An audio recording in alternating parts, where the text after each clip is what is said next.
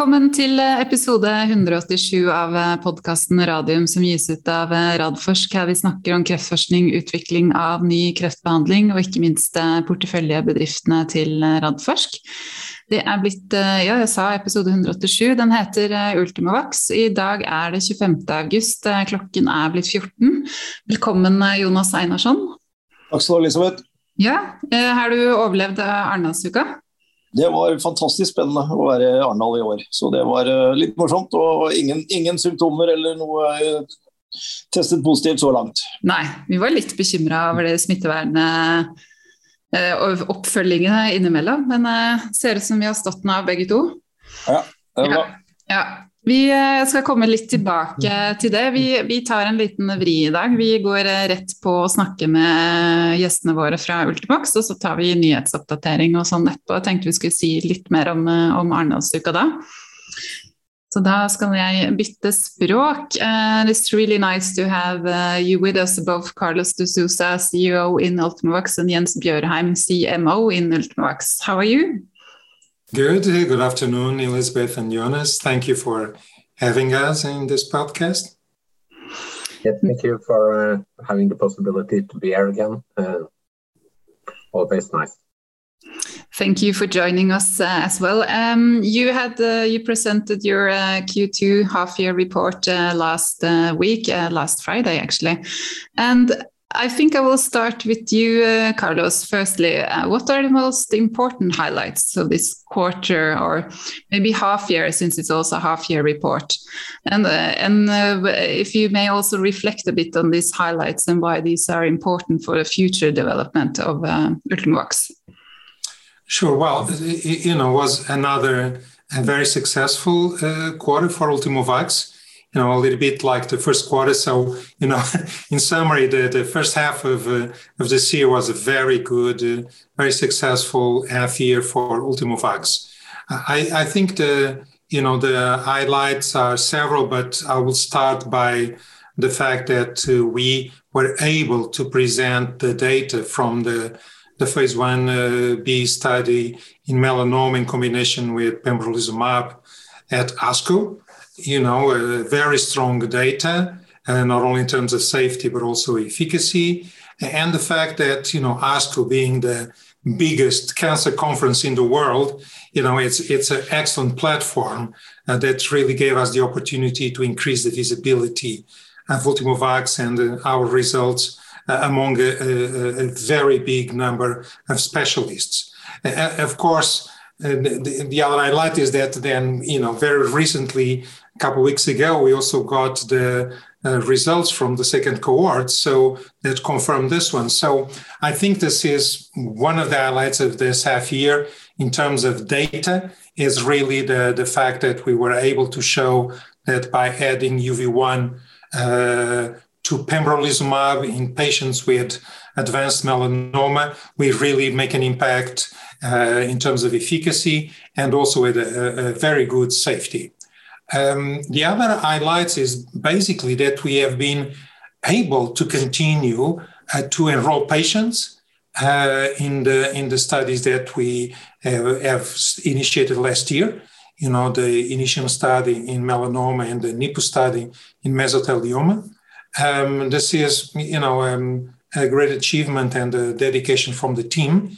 Uh, as mentioned in the Q2 report, we were able to, since uh, June of last year, basically in the period of 12 months, to enroll a total of 100 patients, 100 patients in all of our studies. So, so that, that's the other uh, highlight that I would like to, to refer.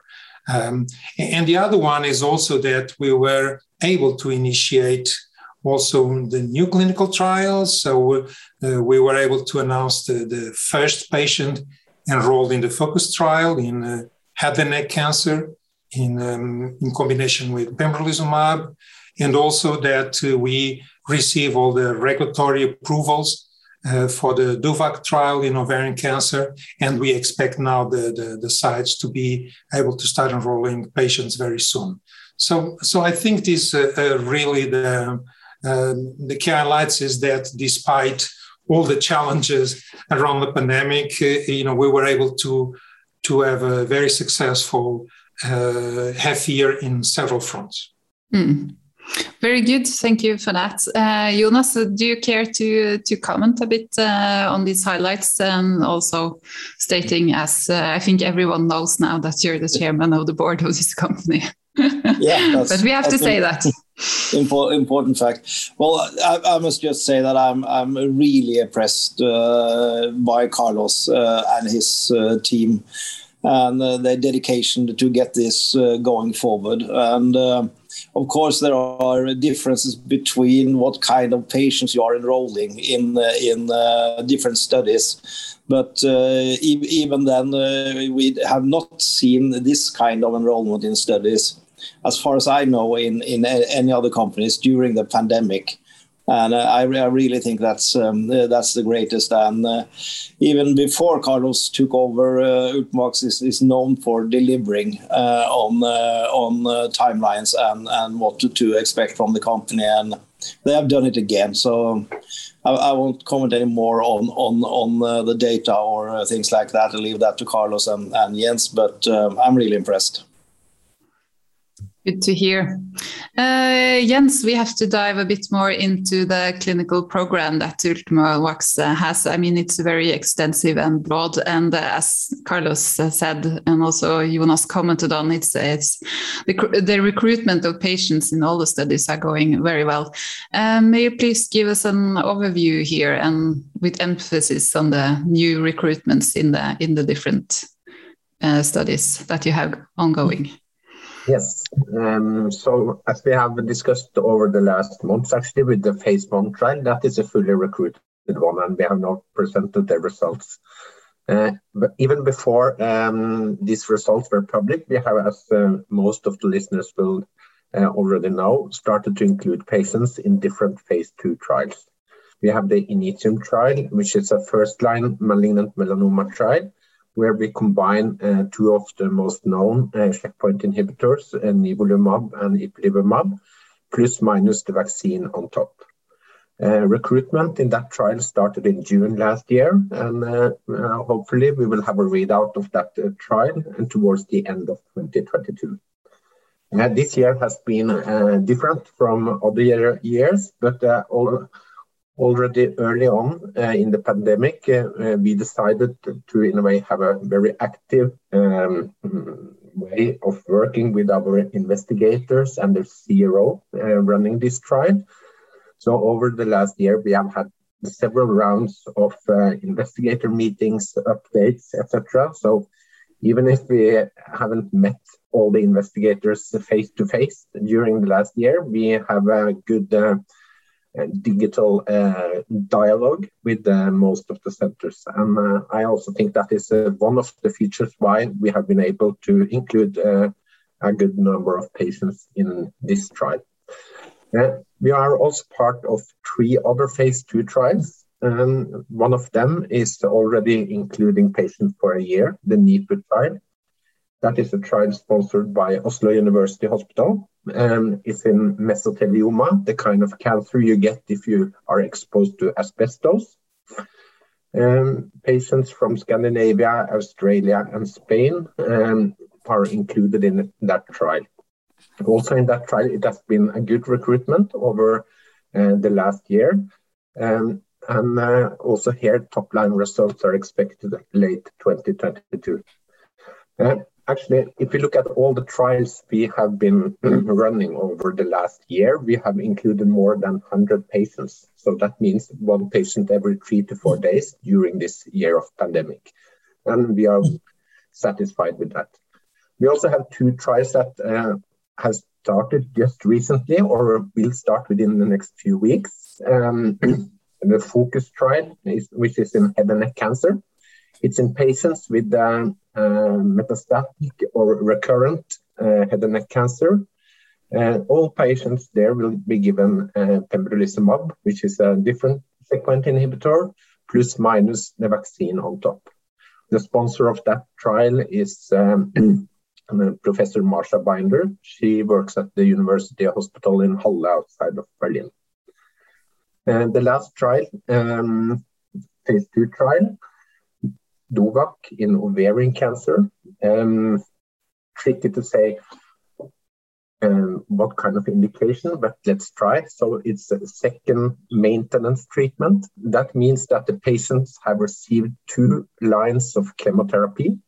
And after the last line of chemotherapy, the patient have responded good to that. So they have a response, a partial or complete response. If they have that, they can be included in that study. And recruitment will start now over the next few uh, weeks or in Q3, as was reported in um, uh, the last meeting presentation. Mm. So, um, all in all, we have had a different um, year with a lot of digital meetings, etc. But um, we have tried to stay uh, in a good dialogue with our centers. Mm. Thank you so much. Uh, actually, that's my my, my next uh, question that you touched a bit uh, upon here is uh, the, the, reason why you have been so successful in in recruiting patients to your studies because we know that a lot of companies, both biotech and larger pharma, they have struggled with this, of course, during the pandemic. Um, you say that you had early on a very active approach and that you had this, uh, great meetings uh, digitally uh, with the, with the different sites. Uh, are there other reasons? Do you think? Um, I think one important thing um, which we have followed over the last year is that when we are developing a new clinical trials, there is nothing we are doing only in-house. We are engaging with the external environment. So, for example, with the Initium trial, even if we are the sponsor of that trial, we have had interactions, of course, with the authorities, but we also had several uh, advisory boards with the doctors, both in Europe and US, to have a common understanding what is a clinical relevant study. So uh, I think that engage the doctors to include patients because they have um, themselves decided uh, at least partly the design of the study. When it comes to the um, um, other trials where we are not sponsored, uh, a lot of um, investigators can approach uh, biotech companies asking to start the study. And it's important to, to have a good dialogue with them and understand uh, if there is a realistic chance that such a study will be a good one with good inclusion and engagement. And for the three studies we participate in, in head and neck, ovarian, and mesothelioma, we know from experience and also engagement that um, these doctors and investigators really would like to understand if the vaccine have an extra effect on top of the uh, other drugs they use in the study. Mm. Thank you so much. Uh, Jonas Carlos, do you, uh, do you care to add anything? Yeah, yeah, I just want to add that I, I really agree with, uh, with Jens because uh, the work you do before uh, you start a clinical trial and uh, the design of the trial and really ask the, the clinicians if we set up this trial do you really want to recruit patients to this trial? Because you really need that uh, believe that this could help your patients and really to understand that and both Jens and Carlos and, and um, more of people in the team has a long experience with sort of finding out what kind of design and also uh, and that I'm not sure of, uh, Jens and Carlos, so you could ask that. Because what we have seen uh, in a lot of trials earlier is that we make a design uh, of the protocol that should fit the ideal patient for the study, but uh, sometimes it's very hard to find the ideal patient, and then you have to make amendments to change inclusion exclusion criteria. And, and I think that maybe they have hit more directly in, in the Red Bull on on uh, on these trials. So that's more speculation from my side. So the specialists have to answer all that. yeah, I, I, would just like to add that uh, uh probably another factor that uh, helped on top of all of these ones is that uh, you know we also start sharing um, very openly the data that we were getting on on the, the, the, phase one study that was, you know, as I said, very strong. And uh, this was also received very positively by the investigators, you know, basically showing them that, you know, at least in that study, we were making having an impact, and that that also gives extra motivation uh, because they see that yeah there is a there is a possibility that uh, the patients will be uh, also get a benefit by adding uh, adding uh, our vaccine. So um, so I, th- I think all all together you know was very good. Of course you know was impacted you know then not, not, the sites were uh, you know opening uh, slower the you know all the all the challenges in, in some of the countries but uh, but what I think is that uh, through a combination of different uh, approaches and and also as Jens mentioned, you know, we identified from the, the very beginning that we need to have a much more uh, role and and activities here if we want to uh, diminish the impact of the pandemic. So, so the team responded uh, really very well, and I think we are seeing the results. You know, we are still in the middle of the pandemic. We don't know how this is going to play, but um, but at least so far, I think. Uh, the, the strategies and the different tactics that we selected have, have been paying off. You know. mm. Good. Uh, Jens, do you care to comment on uh, on uh, Jonas's speculation about uh, that you have, might have found the perfect patient for these uh, studies? I mean, that's really tricky. Um, you can have different views on this. We have a quite easy job here because we have a very general drug. So our target is telomerase, which is, uh, as you know, 85 to 90% of patients and that to, together with checkpoint inhibitors that open the tumors in different indications as in melanoma etc so that the immune system can work.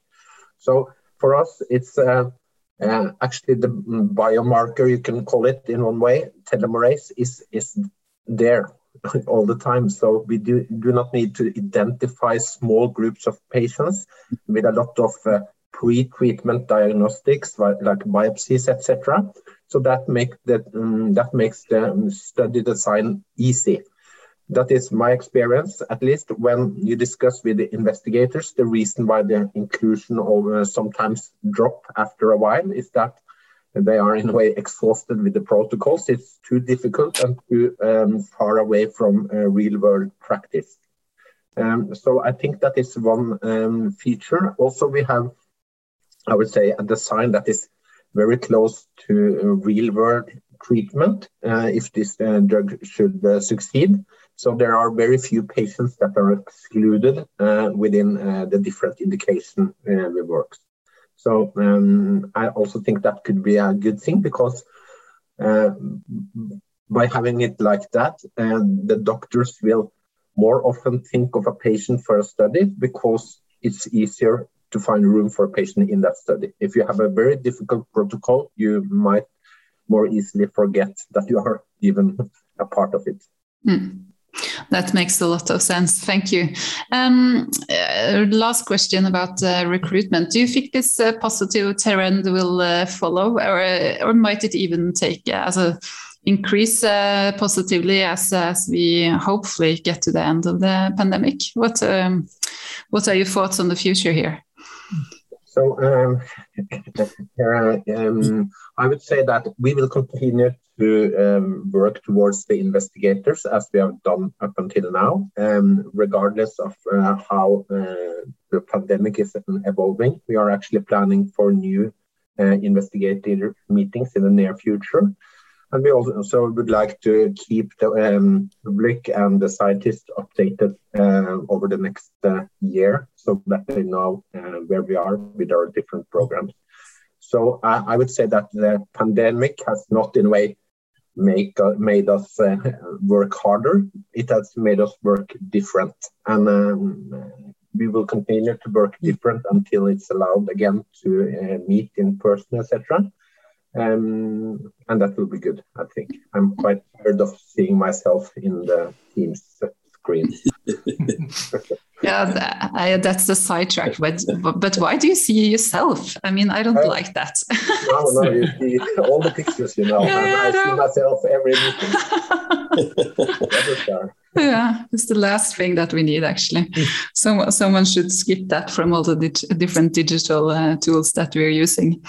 Um, uh, Carlos, uh, I want to dwell a bit on that. You have been uh, the CEO of the company as of Ultimovacs now for almost one and a half years. Um, uh, at this time, what uh, what excites you most about the company that you're heading?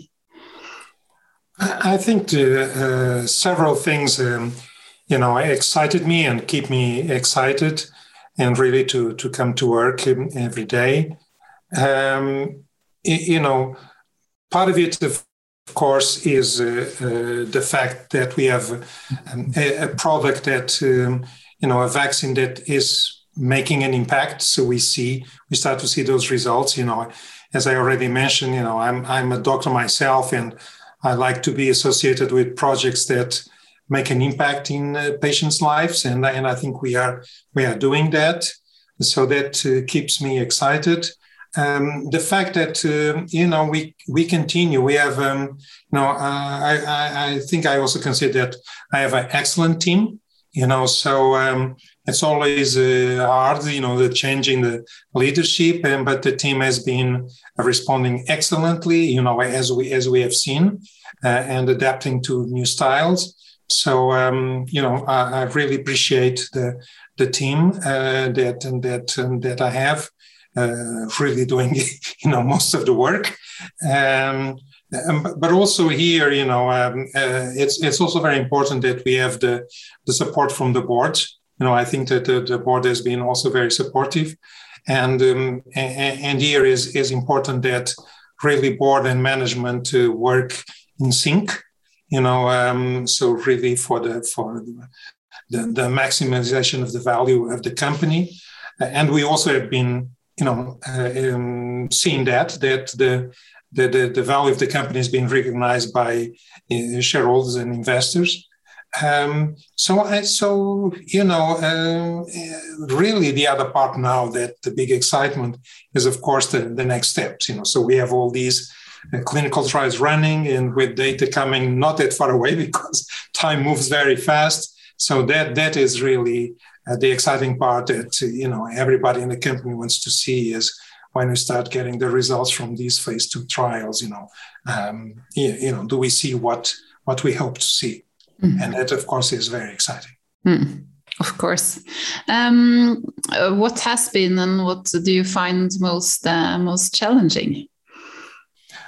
I think that um, you know most of everything is part of the normal challenges of working in a biotech. So you know that's not different. I, think definitely the, the, the big challenge has been to to work efficiently. You know, uh, in the middle of the pandemic. You know, and uh, because there's uh, there's uh, effects in different areas. You know, everything they go slower because it's the authority hospitals are closed we're closed authorities work from home so everything takes takes longer. So that has been uh, probably the, the biggest challenge is is uh, to really find that way of adapting to new ways of working and um, and, and in some cases have the patience to understand that uh, this is uh, this is a different reality uh, that I think is going to continue, as Ian says, for at least for a little bit of time hopefully not too long. And uh, we just need to be flexible and adapt to that. So I think that was the, the, the biggest challenge was that we had to adapt to, to this new reality. Mm-hmm. Uh, Jonas, I have to ask you then, since you're the chairman of the board, and it's your uh, responsibility or mandate to to hire and fire the, the CEO. what what is your uh, what is your ev evaluation so far? I, I, think the company has uh, has developed uh, very very nicely from the, the, the, very first beginning. Remember that uh, was uh, the first employee ever in in Ultimovacs, and uh, he built the team and he he he managed to move the the company forward. And I think the the shift there from Øyvind to to Carlos was perfectly timed. And that was because Øyvind and I uh, talked about that for a couple of years just to find the right timing because we were very, very in agreement that uh, this was the, the right time to do it. Uh, and uh, then, then, then Carlos took over and, and strengthened also the, the, the team and developed it further on. So I'm, I'm, I'm, I'm still in the hiring and not firing business now. That's okay. It remains for a long period of time. Yeah, that's great to hear.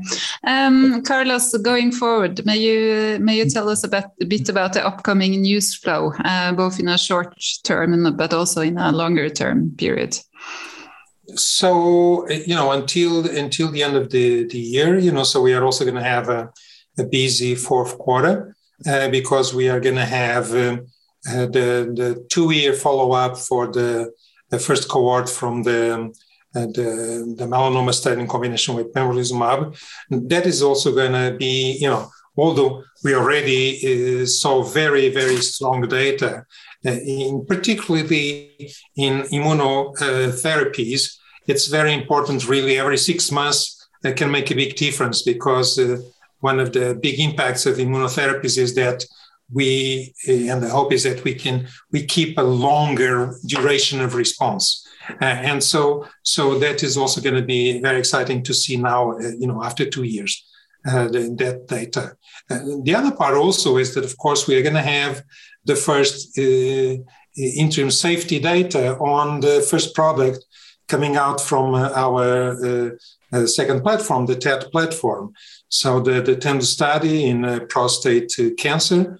Um, so we, we, as we informed, you know, we concluded enrollment of the three patients in the first cohort with a lower dose, and now we are going to be moving soon to the to the second higher dose, close to what we expect to be the dose.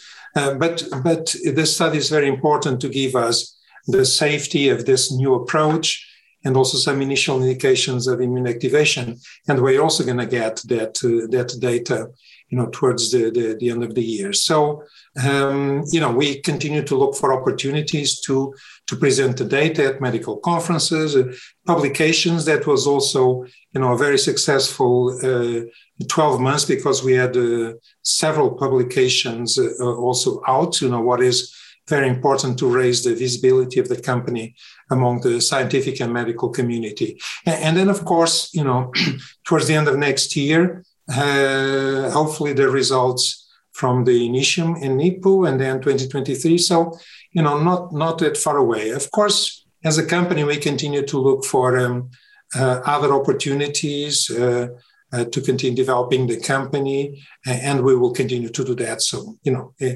uh, we may have other news that at the moment are not planned, but uh, these are already quite important milestones in terms of news flow.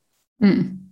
Thank you so much. Um, before we go over, go over to the questions from the listeners, um, may you please say uh, two words about the financials? How is the situation with the financial situation? I think we are in a very uh, solid financial position.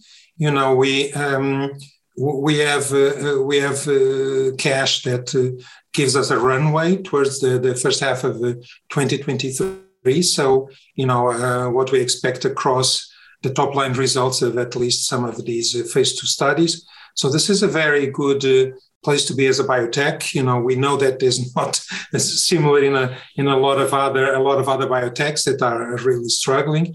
Uh, so this uh, uh, this allows us really to focus our energy in um, in delivering on the operations and results. Um, and um, and it's good to have the support from our uh, major shareholders, you know, that allow us to be in this position. Mm. Thank you so much. Uh, and then also thank you to the listeners uh, who have sent us uh, some questions. Uh, we can start with the first one. Uh, during the Q&A on Friday, it sounded like all 38 of the study sites in the Initium was active and enrolling. Could you just clarify on this uh, subject? The latest update on clinicaltrials.gov shows multiple centers as not yet recruiting. Uh, Jens, do you want to? Yes, um, so there is of course some uh, delay at the clinicaltrials.gov. So all uh, sites are activated Uh, that um, doesn't mean that all sites have included the patients as of now. Uh, they need to identify the right patients, as we discussed uh, earlier. And there is some screening procedures that need to be done before a patient uh, is randomized into the study. So, but now the sites are there, and we need to be active and support our investigators so that uh, the sites include the, the patients uh, as fast as possible. Good, thank you. Uh, next question. I have a question about the reporting from the Initium study. It is my understanding that when you have 70 progressive disease uh, events, you will gain access to all data. In addition to the distribution of these uh, progressive disease events between the experimental group and the control group, will you also and immediately report overall survival, partial response, and complete response in the two groups? So uh, this is actually quite a big question. I will try to make it simple, but a few sentences. So um, uh, for all clinical studies uh, that are in my approved by authorities and uh, other uh, uh, regulatory bodies, you need to have this statistical analysis plan or the SAP as, we call it. That plan describes what you would like to analyze in the future. Uh, we have already this plan uh, finalized and approved by, by the authorities, and that is also something that is very common, and that you do that very early on. You do that very early so that you, in a way, cannot change anything when it comes to the statistics at a later stage, because that can violate the data. So for the Initium trial, uh, the driver for um, reading out of the data is, as you all know, a number of PFS events. Uh, we are not looking for a median PFS in the Initium trial. The median PFS, as you can read it in different papers, is used to decide on how many patients that should be included in a study and how long it's likely that it will take to include patients and how long you expect to wait until you can have a readout of the study. So when we have 70 uh, PFS endpoints in our study, the main database in Initium will close. Uh, of course, then all uh, efficacy uh, endpoints data will be available. Uh, it will be available for um, progression-free survival, for overall survival, different uh, response rates, duration of response, and other variables that we have predefined. The one thing that will continue uh, after we have closed the main database is that we will observe for further two years uh, overall survival uh, in this trial. But we might actually end up in a situation where we do not have the median PFS in our trial, and that is not uncommon. The PFS in this trial will be described as a hazard ratio. That mean, means that you can look at the two different PFS curves for the control group and the intervention group in this so-called Kaplan-Meier plots. Thank you so much. Um, did you also uh, answer the second part of this question, or should I just uh, take that as well? this is complex, so uh, because the, there's a second part to this uh, question as well. Um, at this time, as of when you have the 70 progressive disease events, uh, we hope that the median progression-free survival is reached in the control group, but not in the experimental group. Will you immediately inform the market when median progression-free survival is reached in this group as well?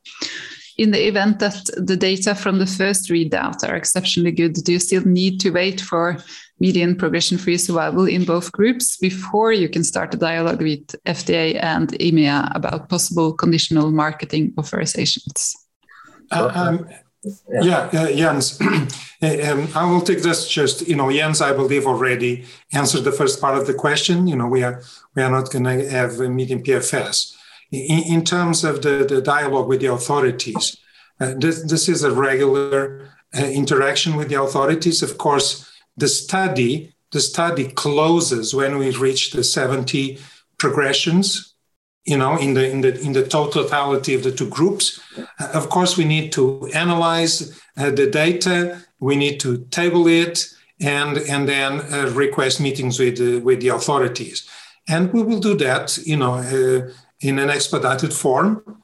Uh, but basically, the, the, the, the, critical part of the study in terms of results is the, you know, the, the, the time period when we reach the 70 uh, progressions and then the comparison between the groups. So, and together with the other data will allow us to, to start preparing for dialogues with the authorities. And these are not particularly we are going to go for conditional marketing approval. This is part of the interaction when you need to share the data with the authorities. This is part of the process that, to, you know, if the data is very good, even the authorities sometimes are the, the ones to suggest that, you know. So, um, uh, so you know, long answer, but to say, you know, when we have the data, we will initiate the dialogue with the authorities. Thank you so much. Uh, Jens, do you have uh, anything to add?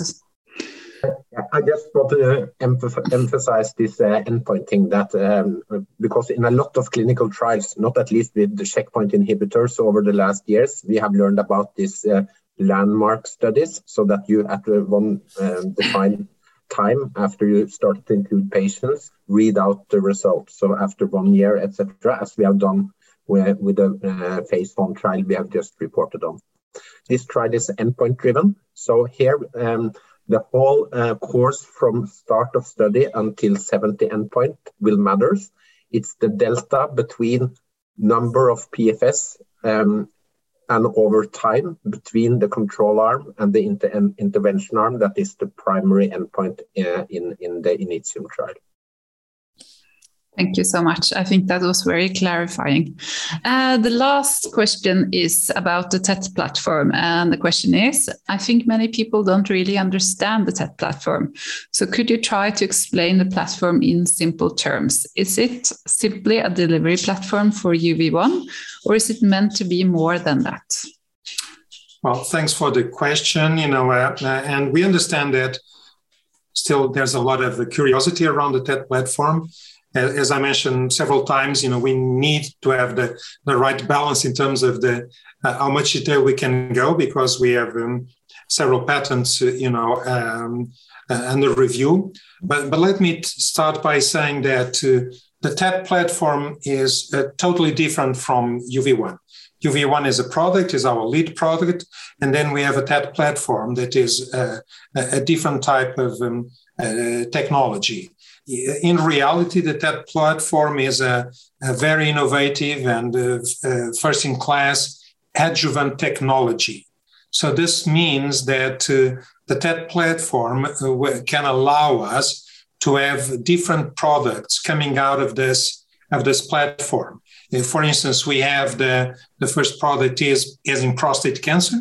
So we combine uh, this core with prostate peptide specific so out of the TET uh, technology and platform, we can derive different products, more um, indication specific products, more universal products, uh, very individualized products, you know, in cancer, in infectious diseases. So it's, it's, it's really a platform with a, um, broad applicability, a lot of potential, and, and a key value driver for, uh, for Ultimovacs. So um, um, you know, UV1 is is our lead product, and so they are not they they not to be confused that they are part of the same. Mm. Thank you so much. Uh, I think that was very uh, enlightening. Uh, Jonas, do you have anything to to add before we say uh, bye to our guests for today? No, uh, I don't think so. But I think there's one thing more, Jens, that we could clarify, and, and that is what you you already said it. But I think maybe you could clarify it even more that we cannot say actually when the readout comes in the Initium trial. Uh, usually, people are used to the other kind of trial when you know that at one point the last patient is included, then you know it is X months until you get data. But here, as far as I understand it, the better we do, especially in the intervention arm, the longer it can take before you have these 70 events. Yes, uh, that is correct. And uh, the reason why we are doing it this way is because we want to capture the effect or in both those patients that have a short time effect from treatment and those that have a longer time uh, effect from treatment. So by having this uh, uh, endpoint driven design, you are in a way making a better picture of uh, um, who, which patients that respond as compared to a, a more landmark analysis uh, of, of, the patients. Uh, so, um, because in the landmark, if you, for example, have a short landmark, you do not understand what happens after a longer period of time because you don't observe that. So here we get both parts. So yes, um, you can imagine two groups of uh, runners, uh, 50 with the running shoes and 50 without. And they are running uh, in, in the forest. And when they don't manage to run anymore and stop, they will be counted as an endpoint. So hopefully the group with running shoes, they will be able to run for a longer distance and therefore they will not be stopped and uh, taken out as an endpoint. When 70 runners out of these 100 runners have stopped, they will calculate how many runners had shoes and how many didn't have it. And then you can decide afterwards if it's uh, clever to have running shoes on or not. Uh, and it's the same thing here with the mm, PFS, that uh, we will see what happens when they get the vaccine on top. If this uh, is a clever thing to do, if more patients are able to stay in the study for a longer time. Great picture, Jens. Great. Yes, picture. absolutely. I'm going to use that one. Yeah. I was just imagining running without shoes in the forest where I live. I was like, no, I'm not going to do that. thank you so much, uh, Jens, and thank you also, Carlos, for for joining us uh, again. And uh, best of luck uh, with everything that uh, that you're uh, dealing with. and um, I guess we will have you back in the podcast before before Christmas when something happens. So yeah. Sure. uh, thanks again for the opportunity. And yes, I'm sure that uh, you know when we start getting the new results, we will get other opportunities to, to share the information with um, with the listeners of the podcast. And you know, uh, have a good rest of the, of the, day. And thanks again for having us. Mm-hmm. Thank you so much. Bye. So much. Bye. Bye. Bye. Thank you. Eh, ja, du får klart det gå da, vet du, Jonas. Da kan vi fortsette. Her, er, er ennå, ja, vi er jo ikke vant til å gjøre ting på den måten her, så jeg måtte bare forsikre meg at ikke du trykka på knappen og løp videre til det neste du skal gjøre. Um, ja, men Det var en fin gjennomgang. Det var veldig fint å få det siste bildet der på disse løperne. Altså det, det, gjorde det veldig mye tydeligere hvordan de har designa den, den, studien. Um, vi går videre til eh, Skal vi si litt om Arendalsuka? fordi Forrige gang vi hadde sånn regulær eh, podkast eh, før vi dro dit, så vi jo, nevnte vi bare at vi skulle ha en nyhetssak. Og så har vi snakka om den tomtesaken i forrige, forrige podkast, men jeg ser at det er veldig mange som har lytta til. Men du kan jo si to ord om det, og kanskje litt i forbindelse med at i går så var selveste helseminister Bent Høie sammen med flere andre prominente gjester og la ned grunnsteinen for det nye protonsenteret og klinikkbygget på Radiumhospitalet? Ja, det er jo en milepæl, det òg. Eh, og kjempefint og hyggelig. Og alt er jo i rute med, med, det bygget, så vidt jeg forstår. Og det er jo kjempeviktig for hele miljøet vårt å få et nytt klinikkbygg og ikke minst et protonsenter som faktisk inneholder også en egen enhet for forskning, hvilket jeg da brenner for. Eh, veldig kort om tomsaken, så har vi ikke bare voksesmerter, men, men eh, vi, vi, er altså helt sprengt her på, i Innovasjonsparken. Eh, masse som vil inn her, både fra biotek og Big Pharma. Stor etterspørsler etter flere forskningslaboratorier. Og vi ønsker også i samarbeid med, med OS om å, å kunne tilby dem mer fasiliteter dersom de trenger det, hvilket jeg da tror, og de ikke kan si, men eh, det tror jeg også er, er mulig. Så jeg har jo nå jobba egentlig siden før Innovasjonsparken var ferdig, med å se på hvilke muligheter vi har til å utvide Innovasjonsparken. Eh, det er to muligheter. Det ene er et byggetrinn eh, til som vi har planlagt lenge. Der har vi hatt litt problemer med hvor den skal ligge på de eksisterende tomtene. Og litt med at vi ikke skal gå i beina på klinikkbygget. Men jeg har nå fått, igjen fått positive signaler fra ledelsen i OS at dette skal vi løse. Det håper jeg, og at vi kommer kjapt i gang. Det er ca. 7000 kvadratmeter. Veldig, veldig, veldig, vi trenger de veldig. Så er det en annen mulighet som har åpnet seg, som er eh, egentlig helt fantastisk. Og det er at jeg kontaktet grunneierne av tomten ved siden av oss, der hvor det såkalte Dinalbygget, klosteret ligger i dag. Og Det viste seg at de var da i ferd med å prøve å få kontroll over hele det området, som er et rektangulært område. Så de hadde eh, kjøpt den tomten og to andre private tomter. Og gjenstår da tre små kommunale tomter på det området. Som, og hele området er allerede regulert til næring og utvikling. Eh, så vi har da kontakta kommunen og jobbet med de ganske så lenge nå for å få eh, kjøpe de tre tomtene. En av de er en liten tomt som går tvers igjennom området og som bare inneholder krattskog. Eh, skal ikke brukes av noe, men til noe, men kommunalt eid. Og så er det to kommunale eiendommer som består av to kondemnerte falleferdige hus. Og dette har vi nå hatt en prosess veldig lenge med Oslo kommune. Kjempebra respons fra hele næringssiden eh, i kommunen, men eh, næring og eiendom tilhører da under samme byråd i Oslo. Så selv om hvor enn positive næringssiden er, så har vi da enda ikke klart å bryte gjennom og få lov til å kjøpe de tre tomtene av eiendomsavdelingen.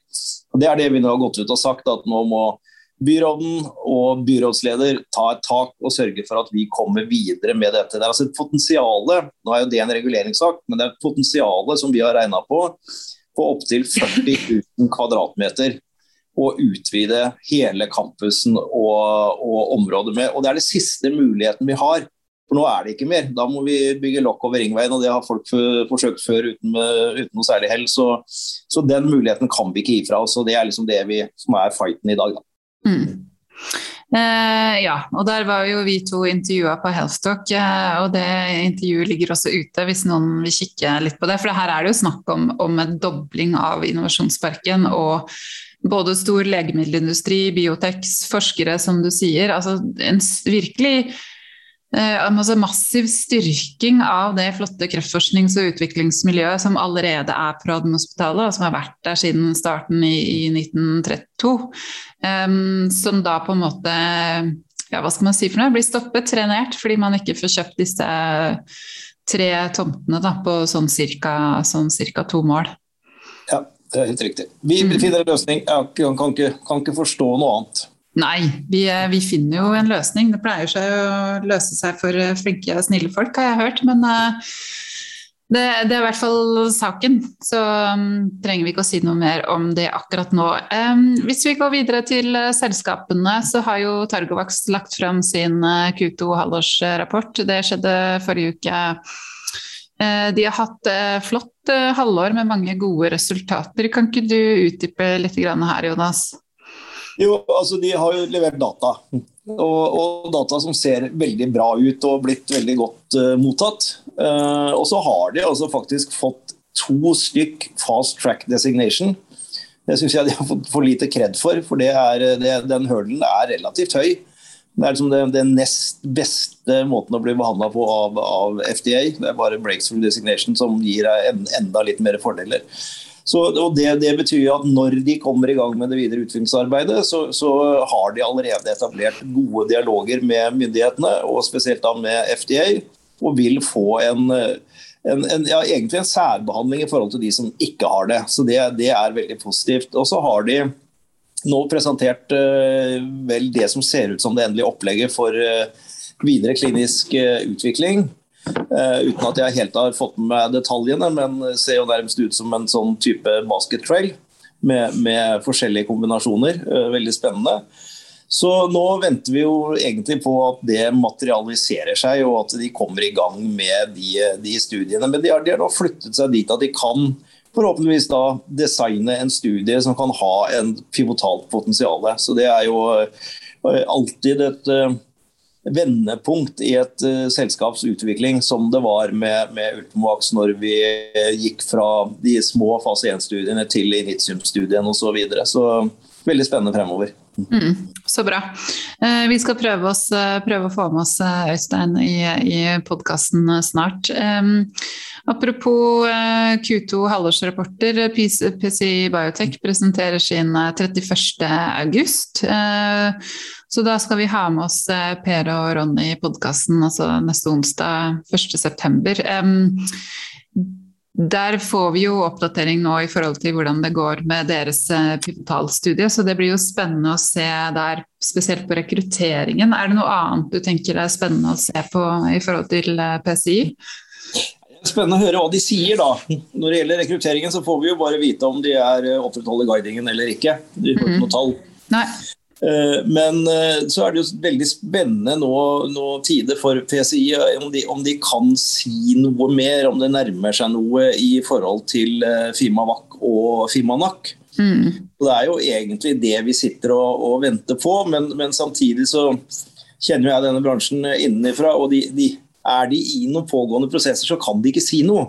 De kan, de kan, ikke si liksom at nå, ja, nå, nå, nå, er samtalene med Big Pharma om Firmavac blitt hetere enn de var før. Altså, det er jo det er, det er en litt tåpelig form for å kommunisere. Så, så jeg, jeg har forståelse for problemet med å ønske om å kommunisere og være åpen. Eh, jeg er jo enig med de når det gjelder å, å, å melde antall rekrutterte, men det, det, det, det er nå så. Eh, men, men, i forhold til Fima Wak og Fima Nak, så, så, forstår jeg at det, det er det, det, er vanskelig, fordi du vil gjerne si noe, men du kan ikke si det. og Hvis du sier at du forhandler med AstraZeneca, så er ikke alltid det så like vellykka. Så har vi også sett, så ja, det, da blir det sånn å lese kroppsspråk og sånn som er litt vanskelig å, å, å tolke om man skal kjøpe eller selge aksjer ut ifra hvordan formen til Per Voldi er eh, akkurat den dagen. Så det er spennende. Spennende. Ja, jeg, jeg, tror ikke du skal anbefale noen å kjøpe aksjer på den måten. Ved å tolke si, kroppsspråket til CEO-en den dagen, for det, det, det, funker ikke. Nei, det er som du sier, det blir, det blir veldig spennende. Så får man bare se, se, hva de kan si. Men altså, det blir jo litt sånn No news er, er ikke nødvendigvis dårlige nyheter. Nei. Nei. Jeg er helt enig, og selvfølgelig mener jeg ikke det. Jeg mener tvert imot. Altså, vi, vi i Radforsk vi baserer oss på om vi kjøper eller selger eller investerer eller ikke på vår tro den, på den grunnleggende teknologien. Mm.